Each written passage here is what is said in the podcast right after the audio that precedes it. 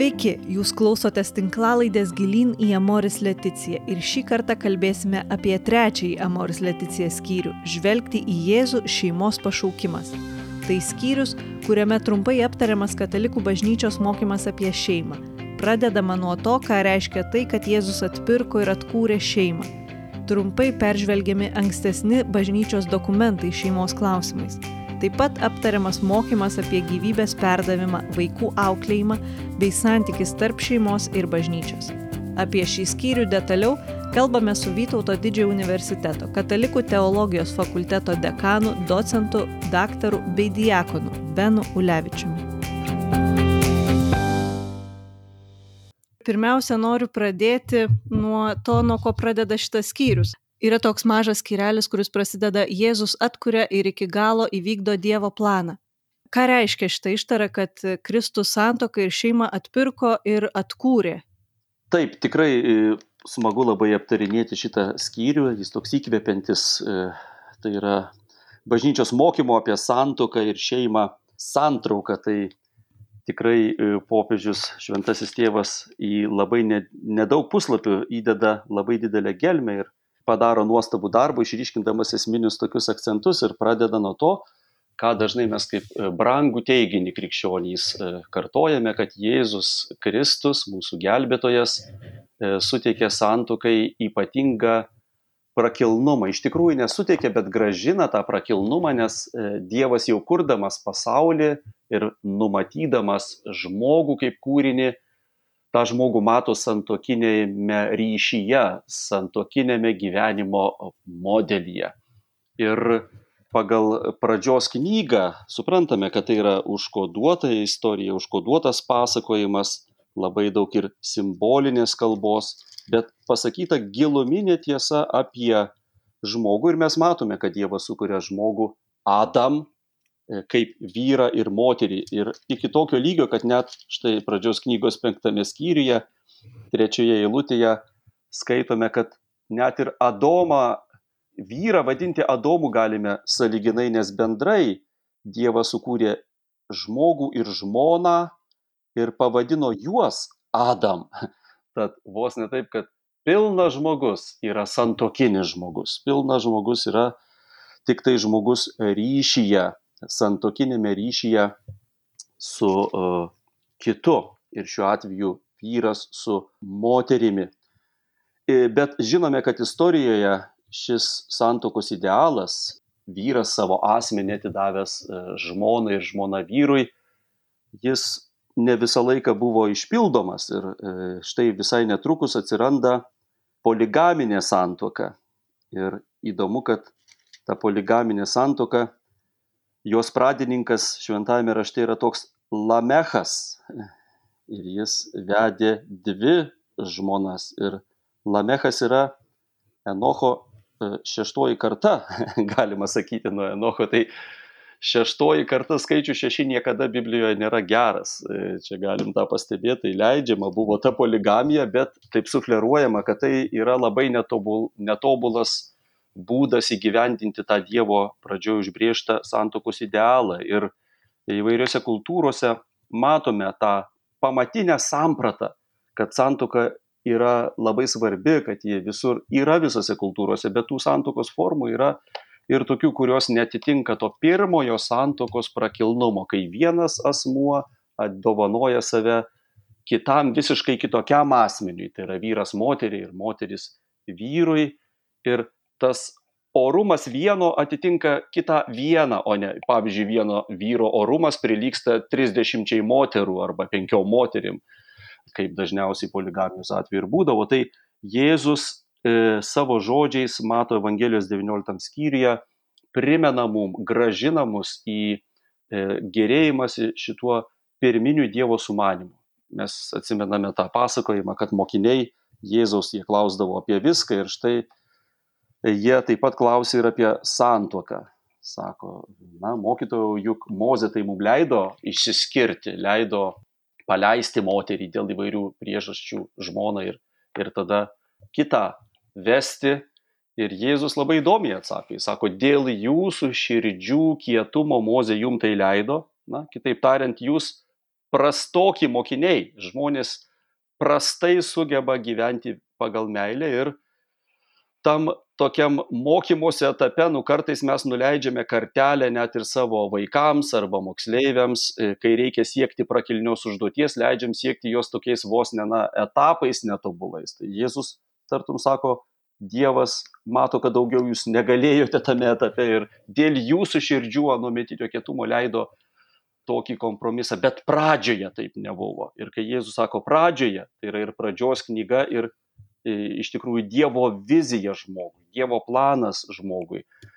E, Dievas savo vizijoje mato patį brandžiausią žmogiškos, žmogiško gyvenimo variantą ir mes mūsų gyvenime pašaukti tos brandos siekti. Ir e, todėl mes e, sakome, kad Jėzus priminė mums šitą santokos idealą, jis pats atpirko šitą santokos idealą, tapdamas tobulų jaunikiu ir parodydamas aiškiai, ką reiškia būti su tuoktiniu, ką reiškia būti jaunikiu, jis yra žmonijos, jis yra bažnyčios sutuoktinis, bet savo gyvenimu jis rodo, kad būti su tuoktiniu reiškia tiesiog būti atvirai save atiduoti, teikti save ir laikyti kito gyvenimą santokinėje sąjungoje svarbesnių už savo netgi. Atrasti save kitame, ne vien tik tais savyje, atiduoti gyvybę savo iš e, meilės, pavyzdžiui, na ir kiti dalykai, kuriuos turbūt vėliau čia dar sakysime. Tai e, todėl mes sakome, kad Jėzus ir atpirko arba išgelbėjo santoką ir ją atkūrė. Atkūrė reiškia, ji buvo sukurta, ji išklydo iš e, to pirmojo pirminio plano ir todėl ji atkurta, ji gražinama atgal ant tų Dievo vizijos, Dievo plano bėgių. Ir manau, tikrai mes vėliau dar kalbėsim, kokia ta Dievo vizija apie trejybinį gyvenimą ir meilę ir taip toliau. Ir čia toliau tam pačiam skirelyje e, kalbama apie santokos neišardomumą ir man labai gražiai čia taip įvardinta, kad laikytinas šitas neišardomumas ne žmogui užkrautų jungų, bet dovana santokos sujungtiems žmonėms. Gal trumpai gali šitą santokos neišardomumą pristatyti ir kodėl būtent tai yra galima laikyti dovana? Tai neišardomumas reiškia kad e, santuoka apskritai yra esminė sąlyga žmogui subręsti, esminė sąlyga žmogui tapti tikru žmogumi. Labai gražiai čia taip pat ne vienoje vietoje sakoma, kad e, visa žmonijos istorija įdėta tartum į santuokinį modelį, paminėta, kad šventasis raštas prasideda santuoka, tai yra žmogaus ir žmonos santuoka, ir baigėsi santuoka, tai prieškimo knyga baigiama avinėlio arba gelbėtojo Dievo ir kūrinijos bažnyčios santokos puota. Ir e, tuo mums pasakoma, kad nėra galimybės tapti tikrų žmogumi nesantuokiniu būdu, ne pagal santuokos modelį. Dievas elgesi su kūrinijas pagal santuokos modelį. Jis ją santuoką kaip tokia yra įsteigęs, kaip paradigmą, kaip kelią, kaip horizontą, ir visos mano žmogiškos pastangos e, patikrinamos šituo santokos kriterijum. Ir čia labai svarbu suprasti, mes nekalbam vien apie e, du sutuoktinius gyvenančius bendrą santokinį gyvenimą, e, mes taip pat ir celibatą arba pašvestojo gyvenimo būdu laikome tam tikrą santokinio gyvenimo formą, o to santokinio gyvenimo esmė yra aš žvelgiu į Dievą ir suprantu, kad Dievas yra gyvas, tikras, todėl kad jis vienintelis geba save tikrai atvert kaip asmenį ir save dovanoti meilės sandoroje. Ir štai man užduotis, aš turiu viską padaryti, kad aš gebėčiau taip pat. Ir be abejo, e, žmogaus ir žmonos, vyro, moters e, santoka čia yra toks įprasčiausias, būdingiausias būdas, mes visigi iš gimimo esame pašaukti į tą santoką. Taip pajuokaučiau, e, prausdamiesi duše pažvelgiai savo kūną, mes greitai randame pirmą užuominą, į ką mes pašaukti. Vyras pašauktas e, jungti su moterimi, moteris su vyru. Ir tos kitos santokinio gyvenimo formos, kai žmogus e, atiduoda save, pavyzdžiui, bažnyčiai, ar ne, tartum, Kristaus sužadėtiniai iš tikrųjų, arba Kristui kaip sužadėtiniui vienuolinėme gyvenime yra specifinis toks pašaukimas. Nutiko su manimi taip pat ir toks pašaukimas kitaip realizuoti šitą santokinį idealą. Bet bendrai mes pašaukti į santokinį ryšį vyrai su moterim, moteris su vyru. Ir turim čia išmokti dovanoti save meilėje. Tai reiškia ne paskolinti, bet iš tikrųjų atiduoti.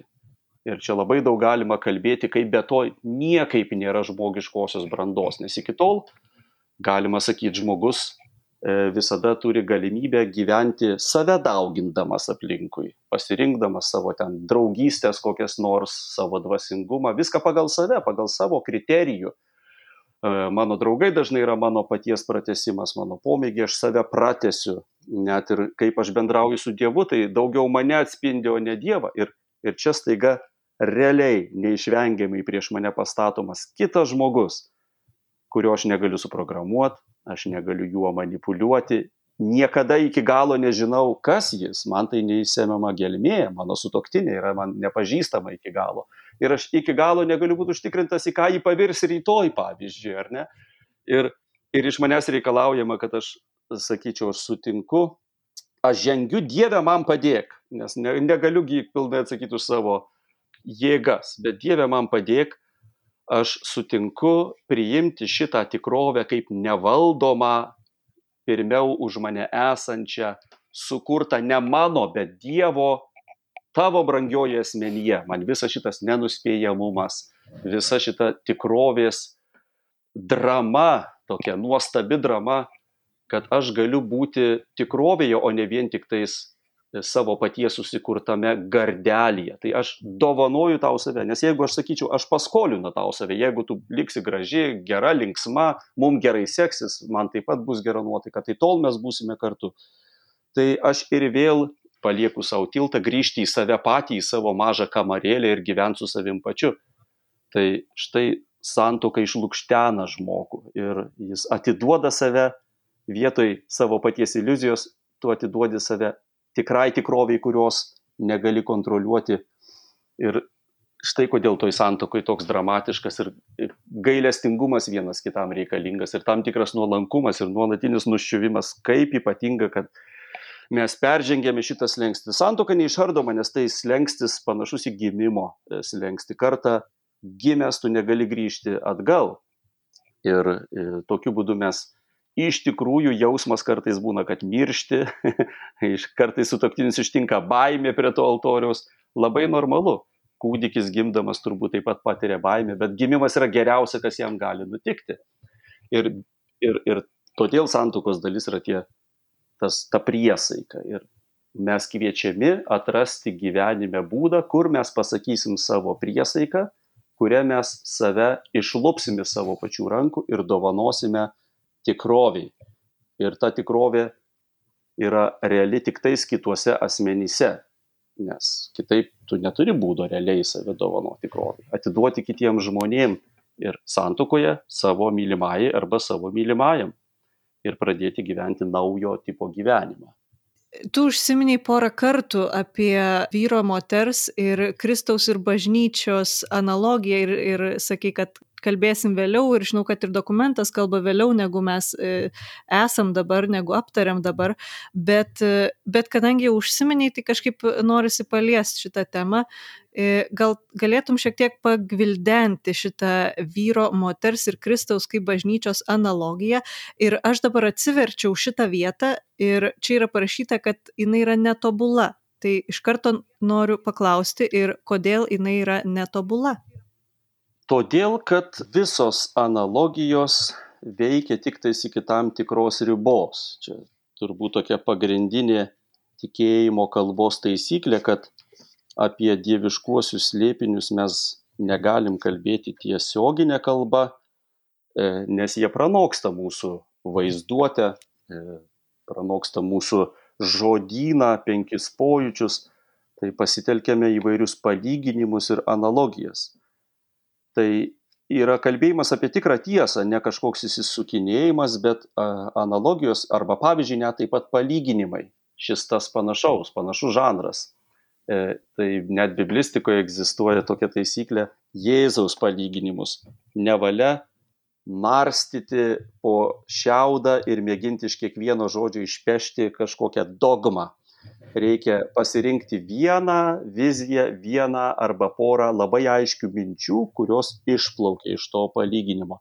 Ir štai šita analogija, kurią Paulius Efeziečiam laiške penktame skyriuje mums e, pateikia, lygina vyro ir moters santuoką su Jėzaus ir bažnyčios santuoka. E, tai yra labai galinga e, analogija. Kodėl? Pirmiausiai tai parodoma, kad vyro ir moters santokoje vyksta ne šiaip kažkokie tai būtiniai tik tais susitarimai, bendras toks gyvenimas, kelionė kartu tvarkant reikalus. Bet čia tikrai atsiveria meilės praktikos slėpinys.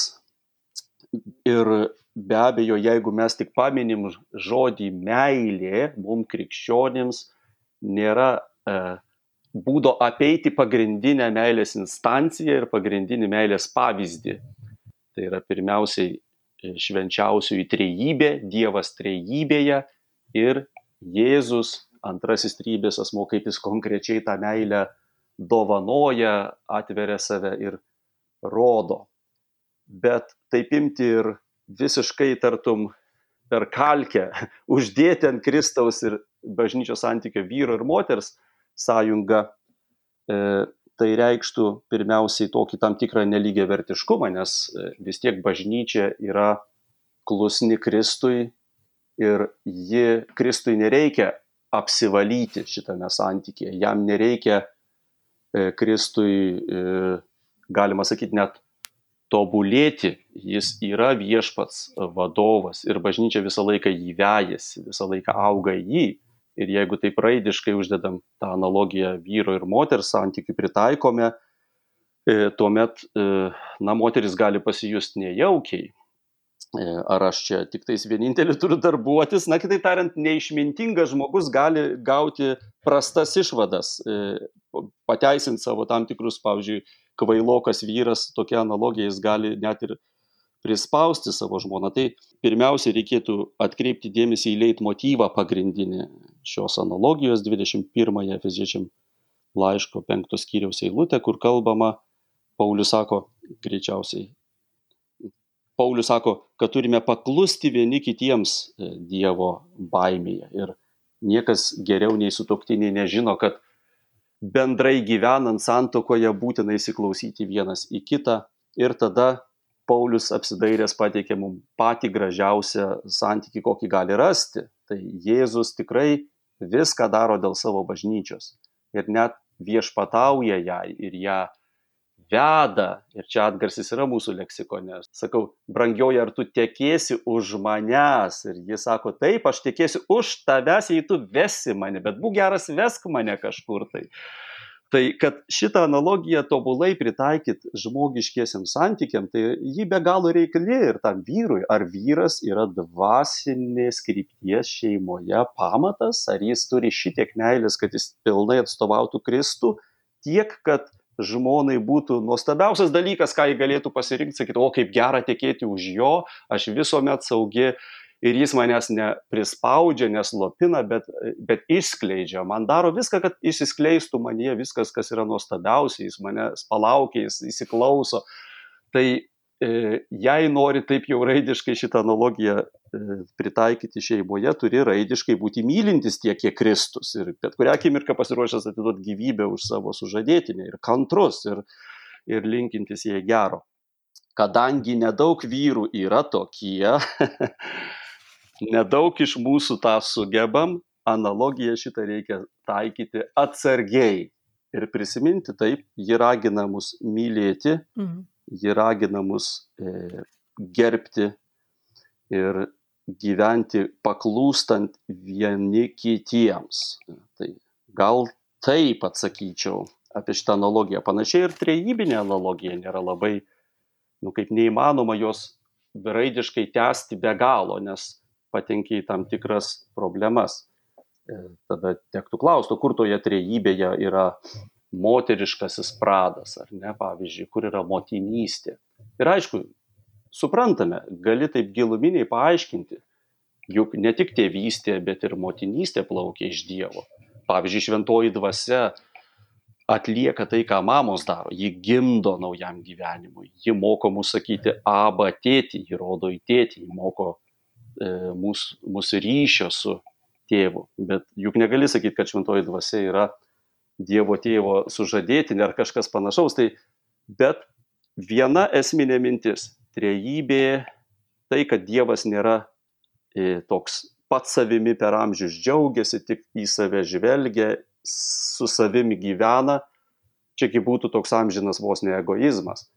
Bet Dievas nuo amžinybėje visuomet yra meilės atvirumas e, kitam. Ir ir šitos vienos galingos minties mums užtenka santokai pagrysti. Iš šitos Dievo meilės, Dievo stilius buvimo, Dievo būdas, metodas yra pilnai tapti savimi arba būti pilnai savimi, kadangi nesi vien tik atsistojęs ant savęs, bet esi ir visuomet dar ir kitam atviras ir kitą neši savį ir leidėsi kito nešamas. Va čia yra specifinis buvimo būdas ir ir tai yra pagrindinė santuokos užduotis - praktikuoti vat kažką tai tokio. Truputėlį grįžkim atgal e, per mūsų skyrių, e, kurį aptarėme, yra išskirta toks nedidelis skyrelis apie šeimą bažnyčios dokumentuose. Ir aš noriu iš tiesų paklausti trumpai, tiesiog žvelgiant, e, ar keitėsi ir kaip keitėsi bažnyčios mokymas apie šeimą bent jau per šitos dokumentus, kurie yra aptariami Amoris Leticija? Na, aš nesu toksai labai e, geras šeimos istorijos specialistas, bet gal pasakysiu vieną esminį momentą, kas man asmeniškai kaip teologui išryškėja lyginant štai šį, šią šeimos viziją po Vatikano antrojo susirinkimo ir susirinkimo išvakarėse su, pavyzdžiui, XIX amžiaus pabaigos teologiniais vadovėliais. E, tiesiog akcentas šiek tiek e, sukeistas vietomis. E, būdave visuomet pabrėžiama, kad šita bendro gyvenimo ir meilės sąjunga, jos pagrindinis pirmas tikslas yra gyvybės dovanojimas, kaip sakant, tėvystė, naujos gyvybės vaisingumas Ir dabar mes matome visuomet pabrėžiant e, tą vaisingumą tik tais e, kaip antrą dalyką. Tai nereiškia mažiau svarbu, bet labai gerai apgalvotų būdu jis parodomas kaip pasiekmė meilės e, bendrystės. Vaisingumas ir pašaukimas, taip paprastai biblinė kalba pasakykim, daugintis, nesusilaukti palikonių, negali būti toks savitikslis. Jis yra labai natūrali, slėpininga pasiekmė gyvenimo ir meilės bendrystės. Tai šis akcentas, e, jis skiriasi vat, nuo tų liktolinių tokių gal šiek tiek formalių svarstymų ir, ir man atrodo, jis sutampa su nauju atradimu tokios trejybinės teologijos, kaip jau minėjau, lygiai taip pat ir Dievo vizija šiek tiek skiriasi, nors niekada bažnyčia nekeičia savo mokymo, bet va tie akcentai sudėstyti anksčiau galėjo susidaryti tokį vaizdą iš tų teologinių vadovėlių, kad Dievas yra toks, e, na taip, jis meilė, bet jis toks vienišas per amžių žvelgia į save su savimi yra. Dabar tiek daug pastangų padaryta parodyti, kad Dievas yra absoliutas ne kaip vienišas absoliutas, bet Dievas absoliutas, nes jis yra absoliutus meilės santykis. Ir Ir tai reiškia savaime ir tą santokinį modelį, ir visos įmanomos meilės šaltinį. Tai jeigu nori e, tapti panašus į Dievą, semtis iš jo gyvybės kaip iš šaltinio, tą teks daryti kartu semintis šitą tapimo žmogumi, tapimo tikrų asmenių metodą. Gyventi ne vien savy, bet gyventi ir kitame. Ir vos tik tais tu tikrai atveri savo žmogišką asmenį kitam asmeniui. Vos tik tais tu turi savo brangiausiai taip, kaip natūrali to pasiekmė yra nauja gyvybė, ateinantį į jūsų šeimą. Jeigu viskas gerai, be abejo, yra įvairių tų situacijų, bet, bet mes pašaukti va tam. Ir, ir tas naujos gyvybės ateimas į šeimą toks nelaikomas tokia formale Dievo užmesta pareiga mums, bet tai yra sakramentinis slėpinys. E, ir tėvai raginami stebėti arba priimti tą naują gyvybę kaip didžiausią stebuklą kūrinyje, nes jie ne, ne, nenulipdė to vaiko, jo nepasidarė. Ir tikrai, jeigu nori atsakyti maždaug į klausimą, o kas yra meilės rezultatas, kas yra meilės rezultatas. Štai po devynių mėnesių meilės rezultatas yra toks realus, kad tu gali jį pavadinti atskirų vardų ir tai jau unikali būtybė. Juk tai yra šiurpa keliantis liepinys. Tai man labai gražu, man labai galinga atrodo va tas akcentų pakoregavimas, parodimas meilės prioriteto, tada meilės, jeigu meilė yra prioritetas, tada ir lytiškumas suvokiamas, e, nu, taip sakyčiau, ne tai, kad pozityviau, bet drąsiau, drąsiau. Lytiškumas tampa kaip santokinė liturgija, tartum, kurią praktikuoja sutoktiniai ir lytiškumo pagrindinis uždavinys yra gyvybės dovanojimas, bet e, va taip matomas tas gyvybės dovanojimas jame didžiulis, didžiulis yra sluoksnis kartu ir e, savęs dovanojimo kitam. Tas gyvybės dovanojimas yra nedarbas, bet jis yra neatsiejamas nuo to, kad aš meiliai savegi savo mylimajai dovanoju. Ir tu turi iš tikrųjų tokį slėpiningą meilės e, ciklą, kuris yra nu, toks vat, stebuklingas, trejybinis, e, slėpiningas. Daug labai gražiai apie tai būtų galima kalbėti ir, ir, ir mes, kurie tikime, kad yra šita slėpiningoji santokos e, prasmė, čia vos ne tai, kad kiekviename išmėginime ir išbandyme ir džiaugsme ir tuose vaikų gimdyme ir, ir net ir paieškose e, sutoktinių tam, tikro, e, tam tikros, kad ir, pavyzdžiui, intim, intimios gyvenimo kokybės, visur e, matome Kristų bylojant. Mes tą darome, nes meilė mus kviečia tą daryti. Mes mokomės tokio trejybinės meilės gyvenimo modelio žmogiškuoju būdu, kaip Dievas mums ir uždavė nuo pat pradžios knygos. Ir Jėzus mums priminė, kad reikėtų taip daryti. Dabar kaip tik žvelgiu į ištarą iš Vatikano antrojo susirinkimo pastoracinės konstitucijos Gaudium et Spes apie tai, kad Kristus ateina pas susituokusius krikščionis per santoko sakramentą. Ir Amoris Leticija irgi lygiai taip pat juda toliau nuo dokumentų prie santokos sakramento. Ir tikriausiai aptariant e, bažnyčios mokymą apie šeimą, mes, e, nu, čia yra širdis tikriausiai apie ką e, turim pasikalbėti šiandien. Tai ką reiškia tai, kad Jėzus padarė santoką sakramentu, sakramentiniu ženklu? Na, tai reiškia, kad jis nori būti su mumis iki pat pasaulio pabaigos ir, ir gali gyventi su mumis įvairiais būdais. Ir tai paprastai kalbant, e, sutoktiniai, kurie Dievo akivaizdoje vienas kitam save atveria ir dovanoja, per santokinę priesaiką įžengia į superinį viršgamtinį scenarijų, kuris akim nematomas iš šalies, bet iš, iš tikrųjų jie pereina į naują buvimo e, režimą tie du žmonės tampa vienas kitam kristonešiais. E, ir netgi drįščiau pasakyti, kad, e, nes kas yra sakramentas? Sakramentas yra, kai regimas ženklas neša Kristų, dovanoja Dievą. Ir įsiklausę į sakramentų seką, mes e, išpažįstame septynis sakramentus, septyni yra sandoros skaičius šventajame rašte, mes netgi matome, kad tie pagrindiniai sakramentai, kurie įtraukia mus į tą viršgamtinį scenarijų.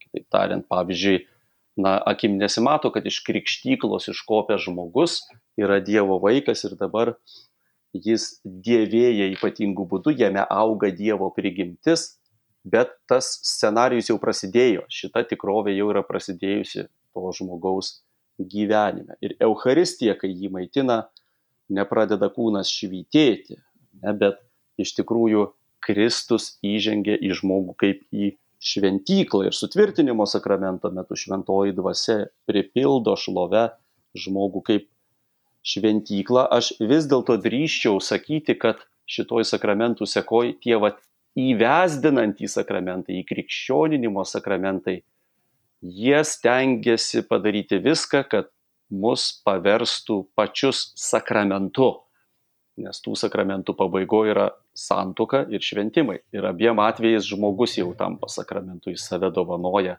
Per žmogų Kristus įžengia į bendruomenę, į kito žmogaus gyvenimą. Ir čia be galo svarbu pabrėžta labai gražiai šita, e, šitas posinodinis paraginimas šventojo tėvo ir pasako atskirai, kad santokos sakramentas yra ypatingas tuo, kad niekas negali jo sukurti už pačius sutuoktinius. Taip maždaug sutoktiniai žengdami e, į sąjungą santokinę, tartum stovi atlikę visus kitus sakramentus. Jie išpažino nuodėmės, jie yra sutvirtinti, jie pamaitinti Kristumi. Ir štai dabar jie staiga atsitokia ir sako, pala, pala, tai taip išeina atėjo laikas man pačiam dabar daryti tai, ką Euharistija man darė, ką krikštas man darė, ką sutvirtinimas man darė, tai dabar aš jau tapsiu sutvirtinimu sutoktiniui, maitinsiu, tapsiu gyvąją duoną sutoktiniui, Kristaus teikėjų, ar ne, ir ligonių patepimu savo sutoktiniui. Gyva kūno šventikla, gyvas, e, sakykime, žmogus, tapęs Dievo šventikla, sakramentai padirbėjo, kad tai nutiktų.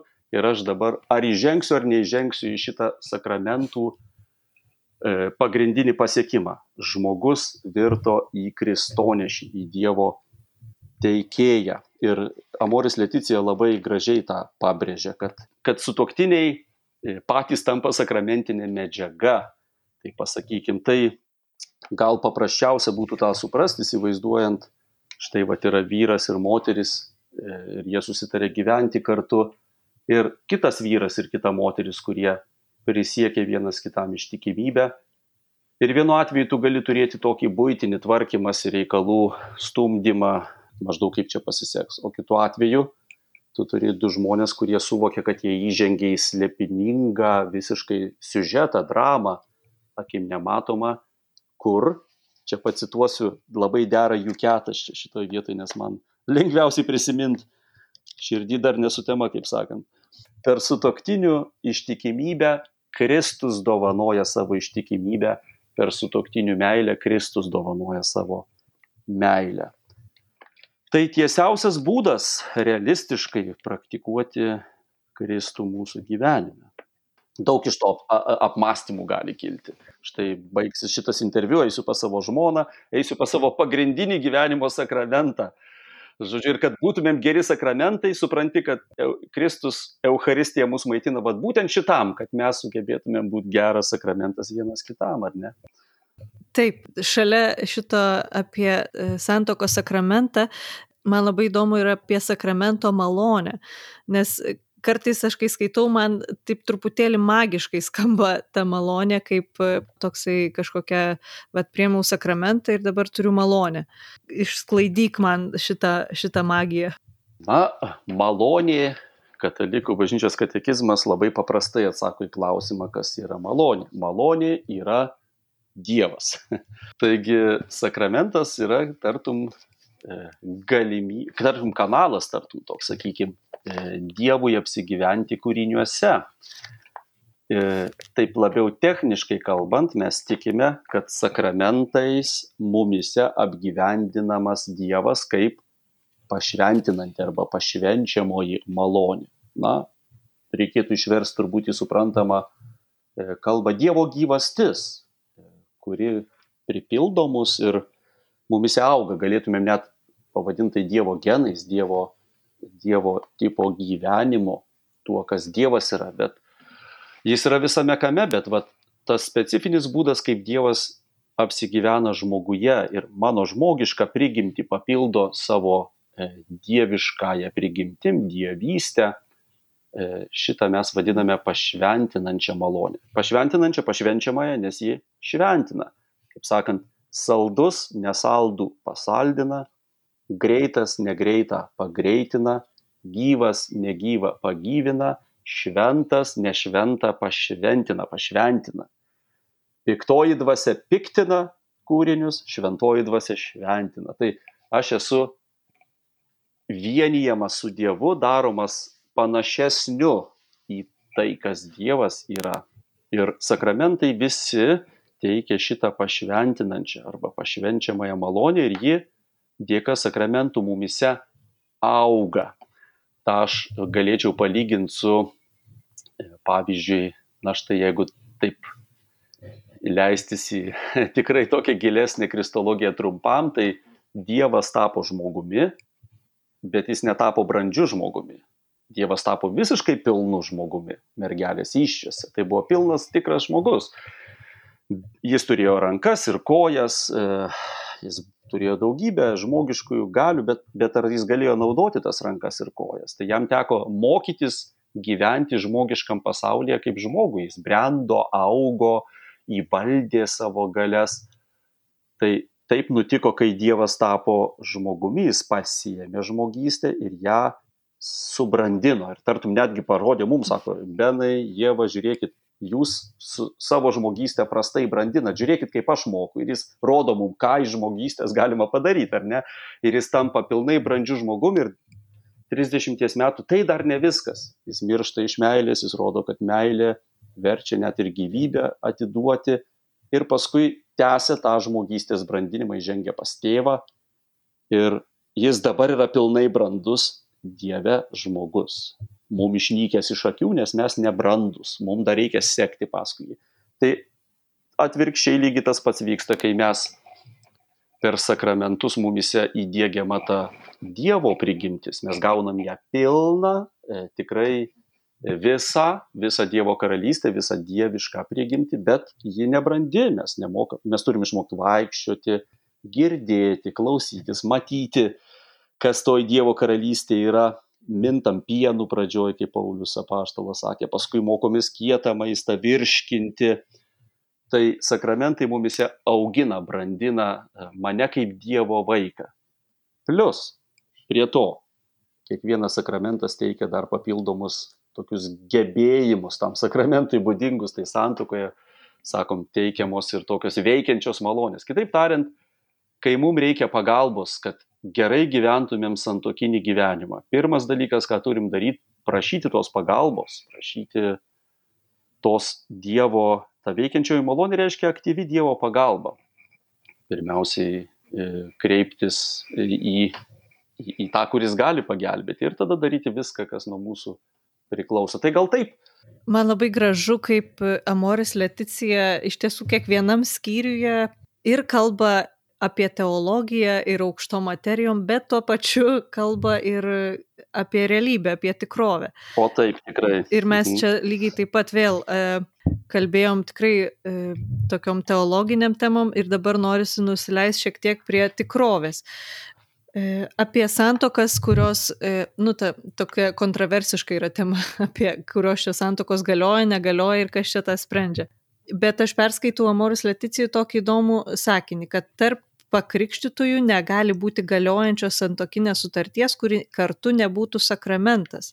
Tai mano klausimas yra, apie kokią santokinę sutartį čia yra kalbama. Ar čia apie civilinę santoką tarp dviejų pakrikštytų žmonių, ar, ar, ar kokią? Paprastai, paprastai atsakyti galima taip. Tarp pakrikštyto vyro ir moters e, santokinė priesaika savaime reiškia tą sakramentą. Ir turimi, pavyzdžiui, pirmiausiai omeny atvejai, kai kokioje nors arba tremty pasirodo tai labai gerai, arba ten, kur nėra kitose sąlygose katalikų bažnyčios ir taip atlikti tobulai tas santokos apėgas neįmanoma. E, sutoktiniai gali prisiekti vienas kitam ištikimybę ir pradėti gyventi kartu kaip sutoktiniai ir vėliau kai atsiranda galimybė, jie gali kreiptis į bažnyčią, kad tą santuoką bažnyčia palaimintų. Nuo kurios akimirkos bus laikoma, kad sutoktiniai jau tapo sutoktiniais. Ne nuo palaiminimo, bet nuo priesaikos momento.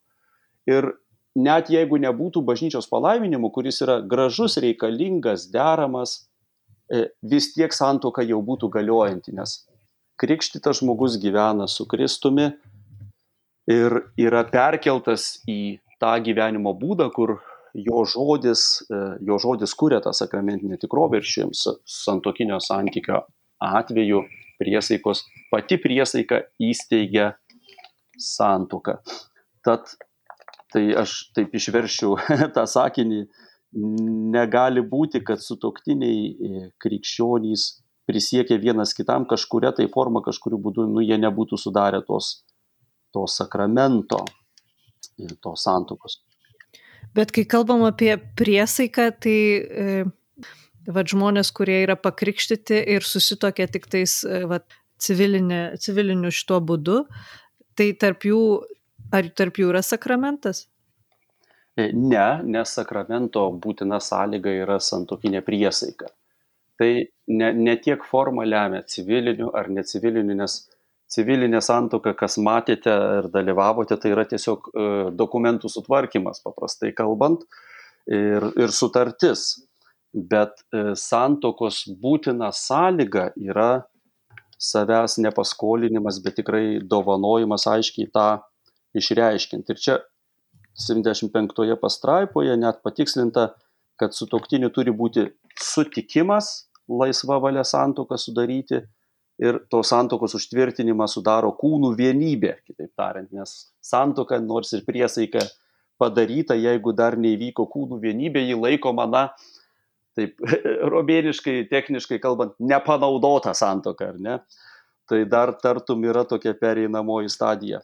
Bet bendrai, čia, čia yra labai biblinė išvalga, kad sandora, santoka yra sandora iš esmės.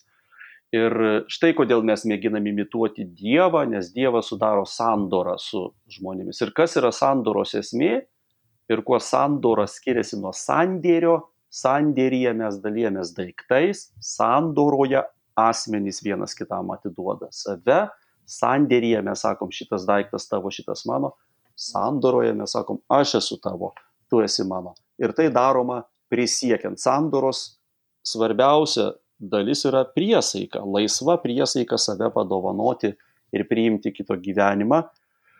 Tai tai sudaro e, santoką. Ir e, čia būtų tokia esmė, bet aišku, tas klausimas e, darosi vis labiau komplikuotas. Aš suprantu, kad taip kaip taisyklė įvardinti yra paprasta, bet kuo toliau, tuo labiau, ypač vakaruose, labai E, žmonių gyvenimai e, daro sudėtingi, skiriasi labai e, tos sąjungos viena nuo kitos ir atsiranda daug klausimų. Pavyzdžiui, jeigu nekrikštyti žmonės vat, prisiekė vienas kitam ištikimybę ir, ir įžengė į tokį sąjungą, ar čia, ar čia jau yra santoka ar ne, tai Iš tiesų, į, į šitą atsiprašau, kad pertraukiu tavo įvardintą. Uh, irgi Amoris Leticija turi atsakymą, kad dvi, 75 e, pastraipui, kad dviem sutoktiniams nekrikščionims priimant krikštą nebūtina atnaujinti santokos pažadus ir pakanka jų net mesti, e, per tai virsta sakramentinė.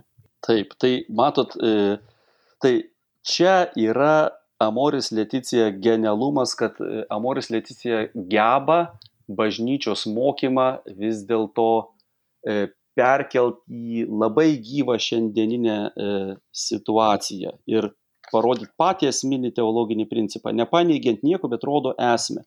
Ta esmė yra, jeigu žmogus savo gyvenime, net ir nekrikštytas, pavyzdžiui, praktikuoja tokią e, meilę, kuri rodo į trejybės meilę ir į Kristaus ir bažnyčios meilę, jeigu jis tikrai pasiaukodamas geba save dovanoti, tai jau yra tam tikra forma santokinio modelio.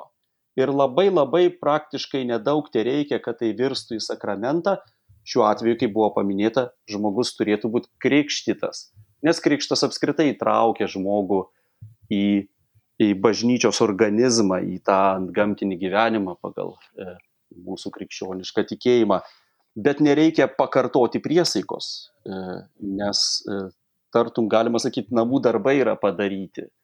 Tiesiog reikia įvesti į pro slėpinio vartus, perkelt viską ant slėpinio bėgių, nes mums neduota tokia galia įvertinti visų žmonių sąjungas, kas ten vyksta ir kaip ten kas daros, bet mums duoti iš apaštalų laikų dar plaukiantis metodai ir būdai, kokiu būdu švęsti tokią sa sąjungą, ne, santokinę sąjungą.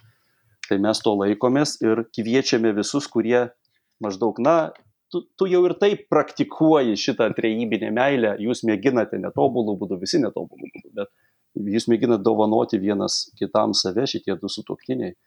Tai įženkit pro krikšto vartus ir, ir įkelkit savo e, šitą pastangą, šitą meilės pastangą į bažnyčios gyvenimą. Ir pamatysit, bus gerai. Maždaug kažkas tokio. O kaip yra tada, jeigu dar konkrečiau kalbant su žmonėm, kurie priima santoko sakramentą, bet nepraktikuoja tikėjimo, bet ir šiaip galbūt galima sakyti yra netikintis, kartais net ir laiko save ir įvardina, kad yra netikintis ir tiesiog čia jie draugavo, gyveno ir nusprendė susituokti uh, iš tradicijų ar iš to, kad kažkam giminiai buvo svarbu, jie nusprendė ir susituokti bažnyčiui. Jie atliko, atliko formalumą tokį, ar ne? Taip, taip. Na, uh, tai e, čia šioje vietoje bažnyčios taisyklė yra, kad labai panašiai, e, panašus svarstymas yra tuo atveju, jeigu santoka negaliojanti. Na, čia taip ir atrodytų, kad santoka yra negaliojanti, nes kad krikščioniška santoka būtų tikrai santoka, reikia abiejų laisva valia padarytos, e, padarytos priesaikos ir suvokimo maždaug, kad tu čia uh, įžengi į tokį santokinį sakramentą, santokinį slėpinį. Ir jeigu to visiškai nėra, tai tada tai panašu į tokią galimybę, kuri dar neišsiskleidusi. Ir bažnyčia šioje vietoje sako, kad jeigu žmonės kartu gyvendami, pavyzdžiui, net jeigu jie per prievartą sutuokti arba iš išskaičiavimo e, atliko santokos e, apeigas, pavyzdžiui, e, bet gyvendami kartu jie staiga, jiem atsiveria tas santokos esmė, prasmė, tas Jie, jie pereina į savęs dovanojimą, jie praktiškai įgyvendina tai, ką jie tą formalią priesaiką ten meluodami darė, jie staiga įima ir pradeda įgyvendinti savo realiame gyvenime, nebūtina nieko kartoti, santuoka įsigalioja, į tampa galiojanti, į tampa tikra. Tai čia man primena, va čia 63 pastraipoj, Amoris Leticija ir kalbama apie Jėzų, kuris E, pirmas sakinys sako, Jėzus visą sutaikinę savyje santuokai ir šeimai gražino pradinę formą. Tai galima čia Jėzų matyti, kuris žvelgia į mūsų visų e, tokias vat, visokias sąjungas ir, ir sako, na, dėl jūsų širdies kietumo daug, daug kas jums čia buvo leista, bet taip pat jūs daug ir patys čia pridirbote.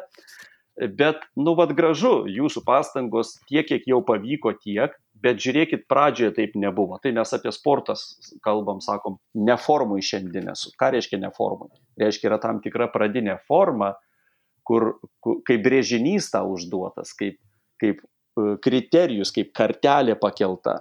Ir tu gali to siekti. Tai mes e, matome santokos idealą ir toliau, e, toliau jau su pastoraciniu jautrumu bažnyčia kiekvieno žmogaus kelionėje e, mėgina atpažinti, jeigu žmogui rūpi, jeigu jam svarbu, jeigu jis nori e, praktikuoti tą samoningai santokinį gyvenimą, bažnyčia e, per selovadininkus ir per tokius dokumentus kaip Amoris Leticija, jis sako, pasižiūrim, kur tu esi, kokioj kelionės pakopoje tu esi, kaip galima tai, ką tu čia turi, ką jūs čia brangieji turit, pakelt, priartinti prie pradžioje kaip buvo, kas yra Dievo vizijoje apie santuoką, kas, ką bažnyčia iškelia kaip santokinį idealą. Tai čia e, todėl nelabai lengva kalbėti e, taip visiškai apibendrintai, nes jau judami tokią sritį, kur kiekvienų sutoktinių konkreti situacija, e, jau jiems sakytumėm, eikite, pas, eikite ir pasiaiškinkit, kas čia pas jūs yra, gal dvasinis palidėjimas jums pagelbės arba uh, arba bažnyčia pasakys įvardins tiksliai, ko čia trūksta, kad ta santoka būtų pilna sakramentinė bažnytinė santoka.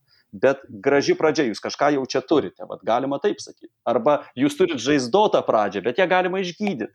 o kai kuriais atvejais bus, nu, neišgydomas variantas. Dar liekant prie šitos temos, iš kitos pusės, iš mūsų kaip krikščionių katalikų pusės, jeigu mes žvelgiam, nežinau, aš turiu kokius nors draugus, kurie yra netikintis ir vat, jie planuoja tuoktis. Ar norėti santoko sakramento žmonėm, kurie yra netikintis ir kažkaip ten įkalbinėti, nu taip, parduot santoko sakramentą. Ar tai yra tinkama ir reikalinga? E, tik, tikrai ne, bet ir vėl priklauso labai nuo konkrečios situacijos, nes tokio šimtų procentų grinai tokio netikinčio žmogaus dar reikėtų paieškoti. Labai dažnai būna, bet, bet suprantam, pavyzdžiui, kalbėkim apie, e, apie tai, ką Moris Leticija sakė. Čia matėm e, aiškiai pasakyta, kad krikštas yra vartai į tą sakramentinį gyvenimą. Tad pirmiausia, mano pastanga būtų priartinti žmogų prie Kristaus, pakviesti jį į bažnytinį gyvenimą kaip tokį ir tikrai nepradėčiau nuo santokos sakramento e, įbažnytinimo, nes kai žmogus e, pasikrikštis arba kai jis tą, pavyzdžiui, krikštytas žmogus gali visiškai nepraktikuoti tikėjimo kai jis tą tikėjimą samoningiau pradės praktikuoti, e, jam norėsis savo santoką taip pat perkelti. Ta ypatingai, jeigu tai sutoktinių pora, nuostabu perkelt į sakramentinį gyvenimą. Bažnyčia apskritai bendrai bet kokį atsakingą vienas kitam įsipareigojimą nekrikščionių vertina kaip daug geresnį dalyką, kaip gerą dalyką, sakykime. Toj situacijoje tas žmogus tiek, kiek jo tikėjimas arba netikėjimas leidžia, jis nusprendžia ne, nenaudotis kitų asmenių, bet vat, vis tiek kažkaip tai kokią formą jam prieinama atiduoti save tam asmeniu. Tai nėra bažnytinė santoka, bet tai yra geriau negu tiesiog kristis per gyvenimą su atsitiktiniais ryšiais. Ir bažnyčia sako, kad e, apie tai kalbama yra Amoris Leticija 77 pavyzdžiui e, skyriuje e, labai gražiai yra pasakyta bet bet kas, kas nori sukurti šiame mhm. pasaulyje šeimą, kuri moko vaikus džiaugtis blogį įveikiančiais poelgiais, šeimą, rodančią, kad dvasia gyva ir sveika, sulauks mūsų dėkingumo ir pripažinimo. Čia bažnyčios vardu sako šventasis tėvas. Kad ir kokiai šeimai, tautai, religijai ar pasaulio ryčiai jie priklausytų. Tai bažnyčia įvertina kaip gražų dalyką, bet kokias žmogaus pastangas save padovanoti, nepasilaikyti savo ir teikti e, e, vaikams saugią aplinką šeimos, bažnyčia parems. Ir, ir šitas pasigėrėjimas žmogaus galimybę tai padaryti, sakyčiau, e, žengia kartu su pagarba žmogaus įsitikinimams ir, ir šiek tiek primena situaciją, kai Jono Pauliaus antrojo kažkas paklausė apie liturgiją, kaip ten su liturginis dalykas ir Jonas Paulius sako, na, o kaip konkrečiam žmogui, gal liturgija yra ten penktas klausimas iš eilės, o kaip yra su, aš tikiu, kad Dievas egzistuoja toliau, kad Kristus yra gelbėtojas. Tai va, yra įvadiniai žingsniai santokos požiūrių taip pat, pasaulyje žiūra, pasaulyje jauta, bažnyčiai atiduoti savo gyvenimą, pirmiausiai Kristui, Dievui. Ir tada kažkaip lyg ir savaime viskas dievinama jau toliau, bet be tų pirmų žingsnių aš neversčiau e, dirbtinai kažkaip tai nereikalaučiau, ko gero net kai kuriais atvejais tikrai susilaikyčiau e, nuo, nuo to tokio fasadinės bažnytinės santoko siūlymo draugam. Ir šis trečiasis Amoris Leticija skyrius baigėsi e, pastraipomis apie šeimą ir bažnyčią. Man labai gražios šios pastraipos. Aš norėčiau šiek tiek ir jas aptarti. Ir pirmiausia, e, čia šeima yra įvardinama kaip namų bažnyčia. E, kas tai yra šeima, namų bažnyčia? Na, e, tiesiog turbūt reikia pirmiausiai tada paklausti, kas yra bažnyčia. Ir bažnyčia yra tokie kūriniai, kurie šliejasi prie Dievo meilės metodo.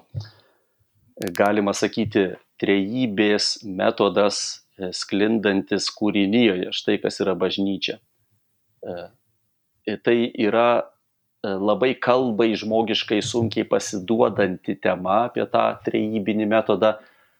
Prisimenu tik labai įspūdį padarė kardinolo Ratzingerio dar. Dar jis nebuvo tapęs Benediktų XVI šventuoju tėvu. Pastebėjimai apie tai, kad mes dar esam tik įvadę į trejybinių santykių praktikavimą, nes kai mėginame atvert save kitam asmeniui ir kito atsiverimą priimti, dažnai slystame į pavojų užgošti kitą žmogų ir, ir ištrinti arba savo paties veidą. Na, pradedi gyventi dėl kito žmogaus ir iš tikrųjų tavo asmeniškumas išsitrino, neišriškėja. Tai mes dar mokomės tokio bendruomeniškumo, kur, ir čia jau pacituosiu Ratzingerį, aukščiausio lygio individualumas ir asmeniškumas yra įmanomas tik dėka aukščiausio lygio bendruomeniškumo ir meilės ryšio. Tai priešingai tai mes mokam totalitariniai režimai. Maždaug toks bendruomeniškumas, kad visi kaip vienas e, pilki veidai, ar ne? Arba mes mokam ir tą esam individai ir labai greitai mm. Paverčiam tai į individualizmą tokio lygio unikalumas mano veide, kad aš jau nesugebu užmėgsti meilės ryšio su niekuo, nes toks esu skirtingas ir nepakartojamas. Tai trejybė e, yra nauja pakopa santykių, kurių mes nemokam, bet mokomės. Tai yra, e, kad aš atrandu save ir tampu vis gražesnis, tikresnis, neužslopintas, bet kaip tik išskleistas dėl to, kad esu e, ne vien užsklęsta savyje, bet gyvenu ir kartu e, priimdamas kito asmens atvirumą ir, ir jam padedu įsiskleisti. Tai štai kas yra bažnyčia, taip, taip jau bendrai pasakius, tai yra kūriniai, kurie e, yra suaugę su Dievu, šliejasi prie Dievo, kuris yra meilė ir gauna iš Dievo kaip šaltinio šitą buvimo būdą, šitą metodą ir daro tai per Kristų. Kristus yra bažnyčios šerdyje, jis yra sakykim taip, Dievas tapęs žmogumi, jis tapo pirmuoju kūriniu, kuris ypatingų būdų tą sugeba daryti.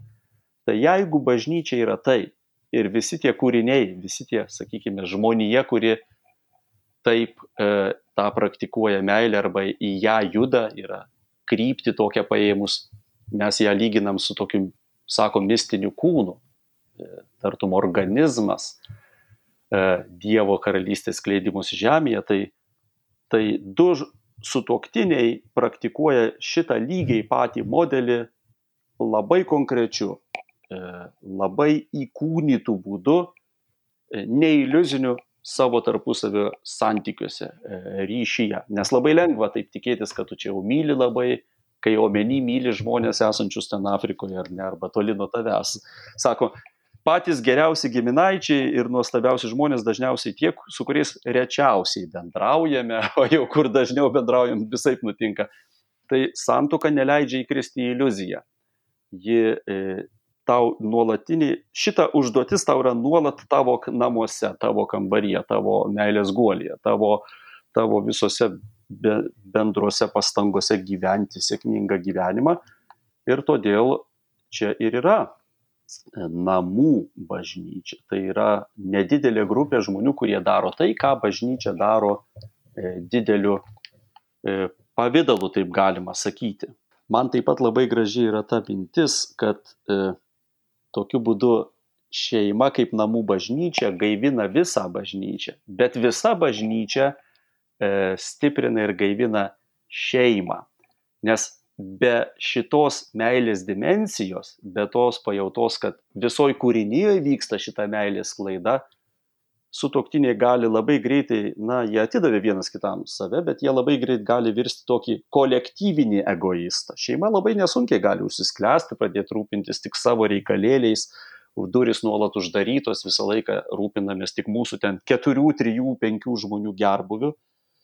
Tai šeimai taip pat labai naudinga ir išganinga, sakykime, suvokti, kad, kad e, šitas meilės ryšys, kurį mes čia mėginam praktikuoti, jis yra bažnyčios meilės ryšys. Mes esam e, bažnyčia konkrečiam pavydale čia. Ir tai sukuria labai ypatingą santyki su žmonija ir su Kristumi. Labai unikalus santykis susikuria.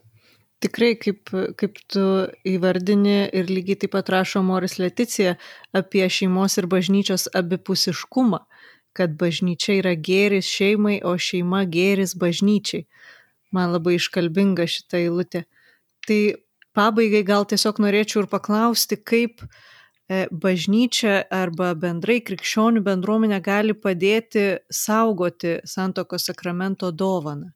Man atrodo, kad e, kad dažnai mes e, padarom tokią apgailėtiną klaidą, mes neskiriame, neįsiklausome, mes neįsiklausome Jėzaus žodžius, nuo kurių pradėjom va šitą pokalbį, kad dėl mūsų širdžių kietumo mes savo kelioniai, e, na, keliaujam taip, kaip mums čia pavyksta, bet pradžioje taip nebuvo. Tai noriu atkreipdėmėsi, kad bažnyčia visuomet skyrė idealą nuo realios situacijos konkrečiam kelionės etape. Bažnyčia kartelę yra užkėlusi be galo aukštai. Idealas yra pats įmanomas aukščiausias, nes mes tikim, kad ne mes jį pasiūlėme, ne mes jį sukūrėm, idealą mums pateikė dieviškoji meilė. Ir ir jį prilygti, jį pasiekti yra labai sudėtinga, bet, bet mes džiaugiamės šituo idealu, mes niekada už nieką pasaulyje nesutiktumėm nuleisti šitos kartelės žemiau. Ir kai mes džiaugiamės šituo idealu, labai dažnai klausytojai girdi, tartų mes sakytumėm kažkodėl, kad mes esam tobuli, mes esam tai pasiekę, mes visi taip darom ir jūs privalo taip daryti. Nieko panašaus. Mes tik norim pasakyti, kad Dievas davė užduoti mums dieviškąją meilę. Ir, ir visa, kas mažiau, yra neverta žmogaus. Žmogus turi siekti štai šito nuostabaus idealo, taip aukštai pakeltos kartelės. Bet lygiai grečiai tuomet bažnyčia nusileidžia, sugeba nuolat nusileisti labai labai žemai, kai reikia įvertinti konkrečią pastoracinę situaciją, kai konkreti šeima keliauja šitoj kelioniai nes ten yra daug faktorių, kurie juos sunku nugalėti, e, yra skirtingi tempai, skirtingos e, atsineštos iš praeities kažkokios situacijos. Ir bažnyčia labai reikli diktuodama idealą, bet e, labai atlaidi, kai vertina konkrečią, konkrečios šeimos situaciją. Ji jautri, ji kantri. Ir čia labai gražiai tas Amoris Leticija yra išryškintas skirtumas tarp to bažnyčios kantrumo ir taip pat to idealo reiklumo. Tai bažnyčia tai ir daro. Tiesiog, manau, reikėtų taip dar kartą vis labiau mum apmastyti tai, e, kad, e, kad konkrečioj situacijoje būtumėm atlaidus ir atjaučiantys ir kantrus. O kalbėdami apie viziją būtume reiklus ir nedarytumėm jokio kompromiso. Labai dažnai vyksta atvirkščiai kalbėdami apie viziją, mes nuleidžiam mhm. kartelę, mes sakom, kaip yra, taip ir tegul būna, nu ką dabar jau padarysi. Brėžinį matom nuostabų statinį su dviem gražiais bokštais, nu pavyko mums pastatyti tik pusę bokšto, tai turbūt taip ir turi būti. Ne, mes sumažinam brėžinį, vadinasi, ko gero nepastatysim nei vieno bokšto. O realioj situacijoje mes tampam reiklus, mes e, pradedam užmetinėti tą aukštą idealą labai konkrečiai šeimai ir sakom, kad jeigu šiandien jūs to nepasiekėt, tai jūs netinkat e, bažnyčiai, jūs turite nesilankyti parapiją, jums negalima tas ir anas, jums turi būti gėda. Nu, aš truputį šaržuoju, aš tikrai reikėtų turbūt paieškoti dabar parapijos, kuri va taip elgtųsi. Bet, bet viešoji opinija apie mus yra tokia ir manau, čia galima nemažai padaryti, ją reikia keisti. Daryti tą skirtumą tarp idealo ir pastoracinio jautrumo ir jį patiems praktikuoti ir turėsim tada nuostabų spalvų derinį tarp to silpnumo konkrečios žmogiškos kelionės ir to dieviško stiprybės, e, tos uolos dieviškos, tarpe bus e, tie kūrybinės tokios pastangos turėti tą dermę ir judėti link to dieviško idealo bendrai, vieni kitus paremiant ir su dideliu atlaidumu ir nuolat atsirėmus į klausyklą. Jūs klausėtės tinklalaidės Gilyn į Amoris Leticiją. Kita kartą detaliau aptarsime ketvirtąjį skyrių - meilė santokoje. Pokalbėje su manim dalyvaus sociologė Irena Eglė Laumenskaitė. Garbė Jėzui Kristui.